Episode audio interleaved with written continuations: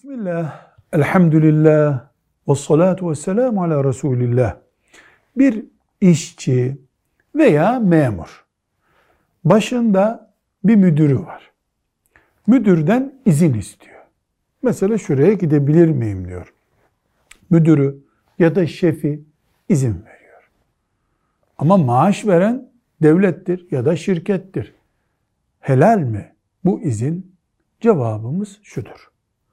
O müdür, o şef işçisine izin vermeye yetkili ise kanunen veya şirket kurallarıyla hiçbir sıkıntı yok. Ne kadar yetkili ise o yetkiyi kullanabilir. Mesela 3 gün kadar izin verebilirsin diye şirket ona yetki vermişse o da o onu hakkı kullanıyorsa hiçbir sıkıntı yok. İşçiyle, memurla, müdür arasında bir alışveriş sonucu oluyorsa bu elbette ki bu bir işten kaçmadır, kul hakkıdır, haramdır. Velhamdülillahi Rabbil Alemin.